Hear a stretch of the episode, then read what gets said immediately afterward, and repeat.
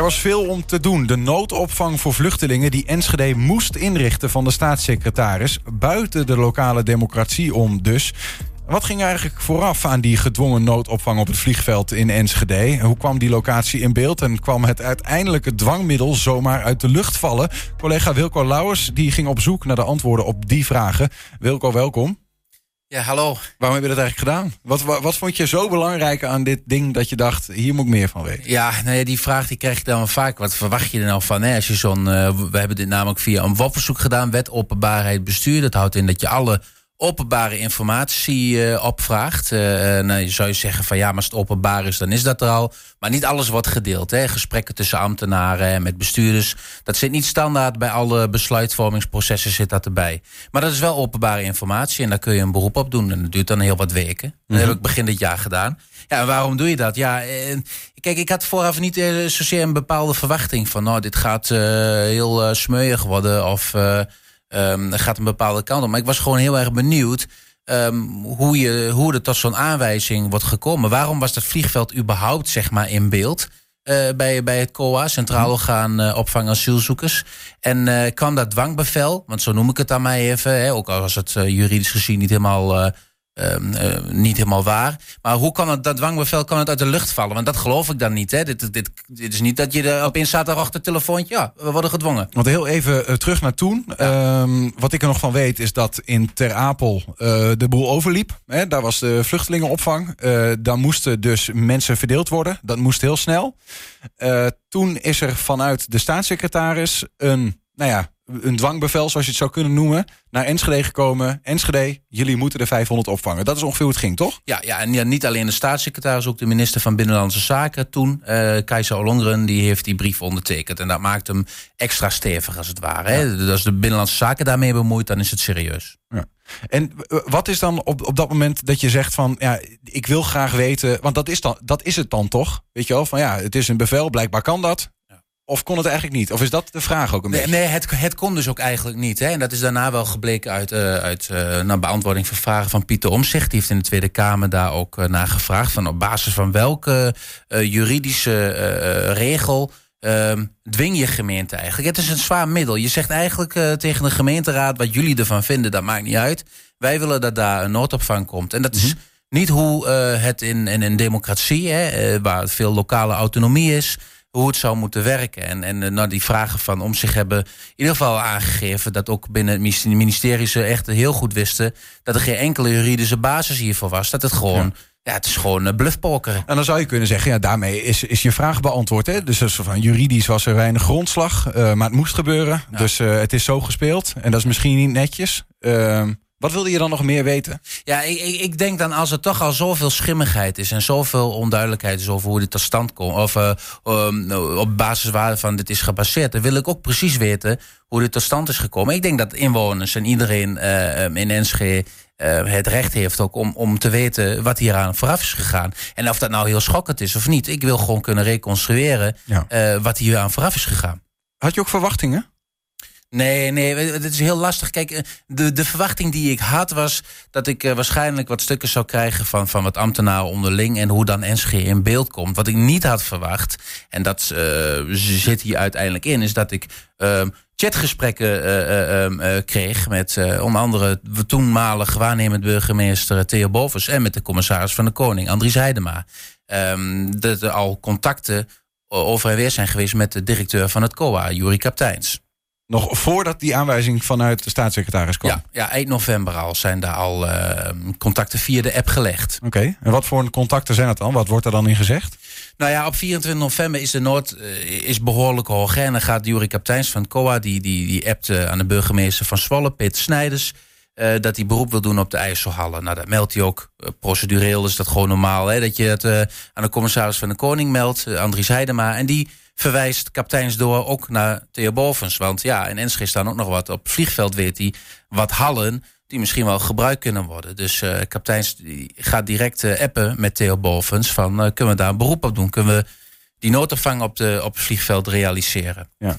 Ja, en dan, dan ontstaan de telefoongesprekken. Die zitten natuurlijk niet bij zo'n WOP-verzoek in, omdat die niet, niet schriftelijk zijn vastgelegd. Ehm, maar in ieder geval daaruit zou, ehm, zou Theo Bovers hebben, die zou de boot hebben afgehouden op dat moment. Die zat op dat moment in de evaluatie van de noodopvang in Hengelo uh, uh, van die 100 asielzoekers. En daarvan is gezegd, ja, dit heeft ons zoveel tijd en moeite gekost. Het is toch mhm. wel intensief geweest voor de veiligheidsregio. We werken even niet meer mee aan nieuwe opvangen. Nou, uitgerekend op dat moment wordt uh, bovens gebeld. En naar eigen zeggen heeft hij daar ook de boot afgehouden. Heeft hij gezegd, hier werken wij niet aan mee.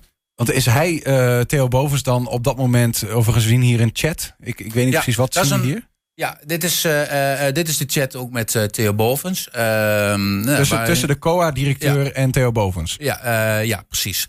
En hierin geeft hij ook aan... Ehm, nou, we hebben contact, we hebben contact gehad met Andries Heidema. We hebben de evenementenhal gezien op het vliegveld. En we zouden daar graag um, asielzoekers willen huisvesten. Ja. Ja, wat zou dan op dat moment, wat, wat, wat zou er normaal gesproken moeten gebeuren? Hè? Theo Bovens is, is op dat moment waarnemend burgemeester.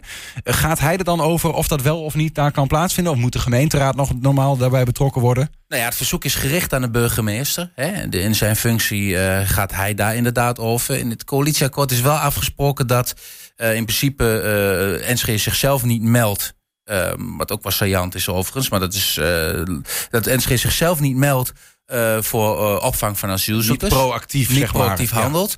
Maar als er een beroep wordt gedaan, dan zullen ze mogelijk meewerken. Mm -hmm. dus je zou kunnen zeggen, en heb ik Theo Bovens ook voorgelegd... naar aanleiding van dit verzoek, waarom ben je niet naar de gemeenteraad gegaan? Hè? Want dit was een concrete vraag, zoals dat dan heet... Nou, daarvan zegt de heer Bovens van, nou, hij was op dat moment, zat hij in die veiligheidsregio, hij kon het daar ook niet maken. Als je net hebt vastgesteld, dit willen wij even niet meer. Het mhm. verzoek was aan de burgemeester gericht. Heeft hij op dat moment besloten, hier werken we even niet aan mee. Maar ja, op de achtergrond is Scoa wel verder gegaan. Maar een dag later is er een schouw geweest op het vliegveld. Die pakte heel goed uit. En toen zijn ze een beetje uh, gaan masseren bij, uh, bij de gemeente en bij de provincie. En hebben heel wat gesprekken plaatsgevonden, telefonisch. Um, en uiteindelijk op negen... even, eerst, eerst zegt Theo Bovens uh, van... ja, weet je, die Halle uh, of Vliegveld Twente, leuk en aardig... maar ik werk er niet aan mee. Tenminste, ik hou de boot af. Precies. En toch komt er dan van, daarna, daarna weer een schouw. Nou ja, is, ja precies. Die, die, maar dat mag, hè. Uh, het is een particuliere bedrijf. Coa komt gewoon op bezoek bij Vliegveld precies. Twente. En, en, en, de eigenaar daarvan heeft gezegd... ja, als, als ik geen toestemming krijg van de gemeente... werk ik er niet aan mee. De, maar maar het is, de staat ze natuurlijk vrij om ergens een schouw te doen bij een particulier uh, bedrijf. Dus dat, dat is, ja. nee, dat hebben ze ook gedaan. En die locatie was uh, geschikt. Er uh, zijn uh, ondertussen wat gesprekken geweest. Dan moeten we even naar het tweede plaatje. Want op 29 november, um, ja, er komt een, een appje. En we zien twee verschillende appjes. Boven zien we aan, um, aan Theo Bovens. Hè, dat we, er zijn telefoongesprekken geweest. Zo zou ik uitzoeken of het dwang mogelijk is. En het antwoord is kort samengevat nee. Nou, en, en diezelfde Jury Kapteins van COA appt daarna aan um, de commissaris van de Koning, Andries Heidema. Um, Theo, vreest Theo Bovens vreest niet meer te krijgen. Mhm. Hij wil verkennen of het mogelijk is om de gemeente te dwingen. Er staat dan via overrulen. Dus een, een, een provincie kan, als er een vergunningaanvraag komt en de gemeente weigert die, kan de provincie kan dat overrulen door te zeggen van nee, wij vinden dat het daar moet plaats hebben dat is een heel lang proces. Daar ben je vele weken mee bezig. Je kunt daar tegen in beroep gaan. Alle juridische kanttekenen zitten aan. Dus dat is niet een, een snel proces, zeg maar. Ja, ja. Maar de suggestie wordt hier eigenlijk gewekt... alsof Theo ja. Bovens heeft gezegd van... Ja, um, ja uh, kun, kun je niet, mij niet dwingen. Ja, hè? Want ik krijg de raad niet meer. Dus uh, bijna alsjeblieft uh, dwing mij. Ik zie nu voor me inderdaad dat Theo Bovens hier zegt... joh, ik denk dat ik de raad niet meekrijg... maar er is misschien een ander middel. Je kunt me ook dwingen. Ja. En later, weet ik, uh, heeft hij gezegd... Uh, ja, we zijn gedwongen. En ik vind dat eigenlijk niet gepast dat dat op deze manier gebeurt. Ja, dat, dat is, is een beetje gek. Ja, dat is het ook. Dat is het ook. En dat heb ik ook aan Theo Bovens uh, dit weekend zelf voorgelegd. Van hoe rijmt dat met elkaar? En, nou, en, en, en goed, hè, dat is hoor en wederhoor. We hebben hier ook niet zwart op wit staan dat, dat Theo Bovens dat, dat, dat zegt. Hè, van alsjeblieft dwing mij. Dit is een een parafrase van de, van een COA-directeur. Wie, wie, wie zegt dat dat precies zo is gegaan? En Theo Bovens was verbaasd over, ook toen hij dit las. Hij zegt, ja, ik heb gewoon een gesprek gehad met COA. Ik heb altijd de boot afgehouden. Uh, totdat het duidelijk werd dat we werden gedwongen.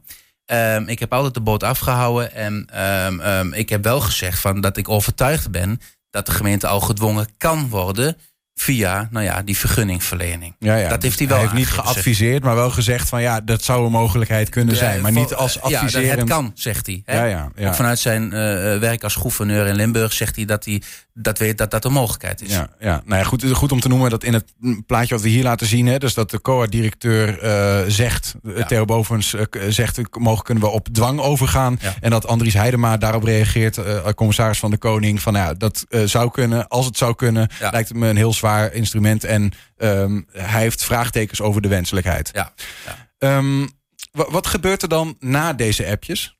Nou, er eh, gaan allerlei, eh, vooral in Den Haag gaan er allerlei radertjes draaien. Hè. Het is nu even stil. Ehm Andries Heidema geeft ook aan van nou, hij wil niet eh, tot dwang namens de provincie overgaan. Vindt hij eh, niet wenselijk. En dat wordt ook ehm, volgens Bovens, Theo Bovens, wordt dat eh, gecommuniceerd aan het COA. Eh, er zijn wat gesprekken daarna, wat videocalls. Eh hebben wij ook gezegd dat wat daar precies is gezegd. Maar volgens Theo Bovens is daar gezegd, nou wij werken hier niet aan mee. We willen andere alternatieven. Op de achtergrond is in het kabinet wordt al wel gewerkt aan, ehm, aan een dwangmiddel. Hè. Er wordt al besproken van, nou, de nood is zo hoog, we willen gemeenten gaan dwingen. Nou, het vliegveld was al in beeld.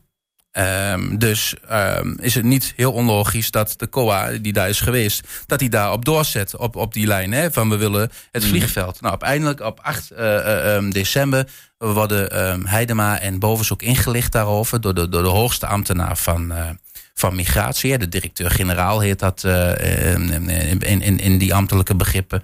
En die, die geeft eigenlijk te kennen, ja, jullie worden gedwongen. En dat is een, nou ja, een kleine week voorafgaand aan, aan de mededeling aan de raad. Mhm. Ehm, en, en we zien ook in een derde plaatje die ik heb uitgezocht... ehm, dat, we, ehm, dat op 9 december al een conceptbrief aan Bovens en aan Heidema wordt gestuurd...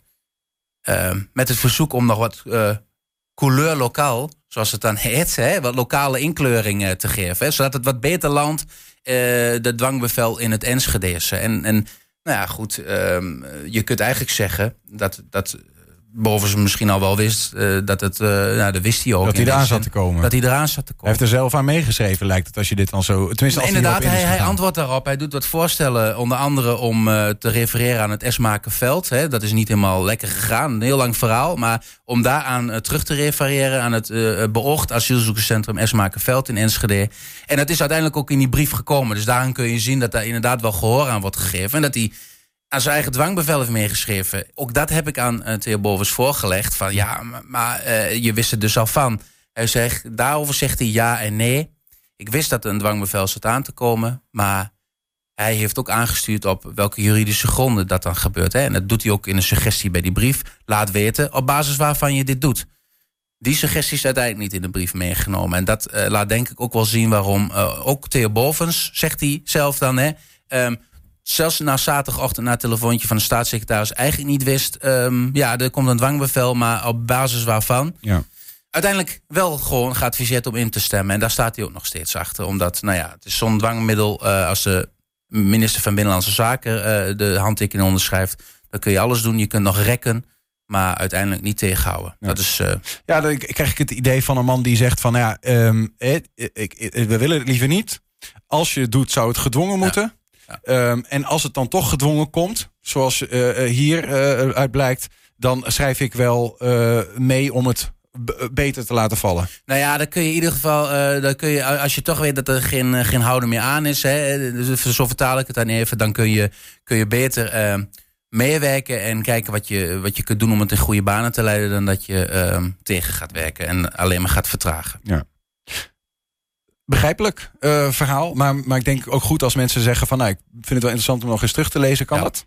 Ja, zeker. Straks komt een artikel online hè, en daarin laten we ook zien hoe nou Enschede um, in, überhaupt in beeld kwam. Daar hebben we het nog helemaal niet over gehad. Maar dat is dus misschien een mooie cliffhanger. Waarom kwam Enschede in beeld? Het is een raadslid geweest die misschien wel het belletje heeft doen rinkelen bij het COA. We zetten het artikel online en, en alle stukken die ertoe doen uit, de, uh, uit het WOP-verzoek... die uh, plaats ik er ook bij, zodat mensen dat ook zelf kunnen nalezen. Dankjewel, Wilco. Ja.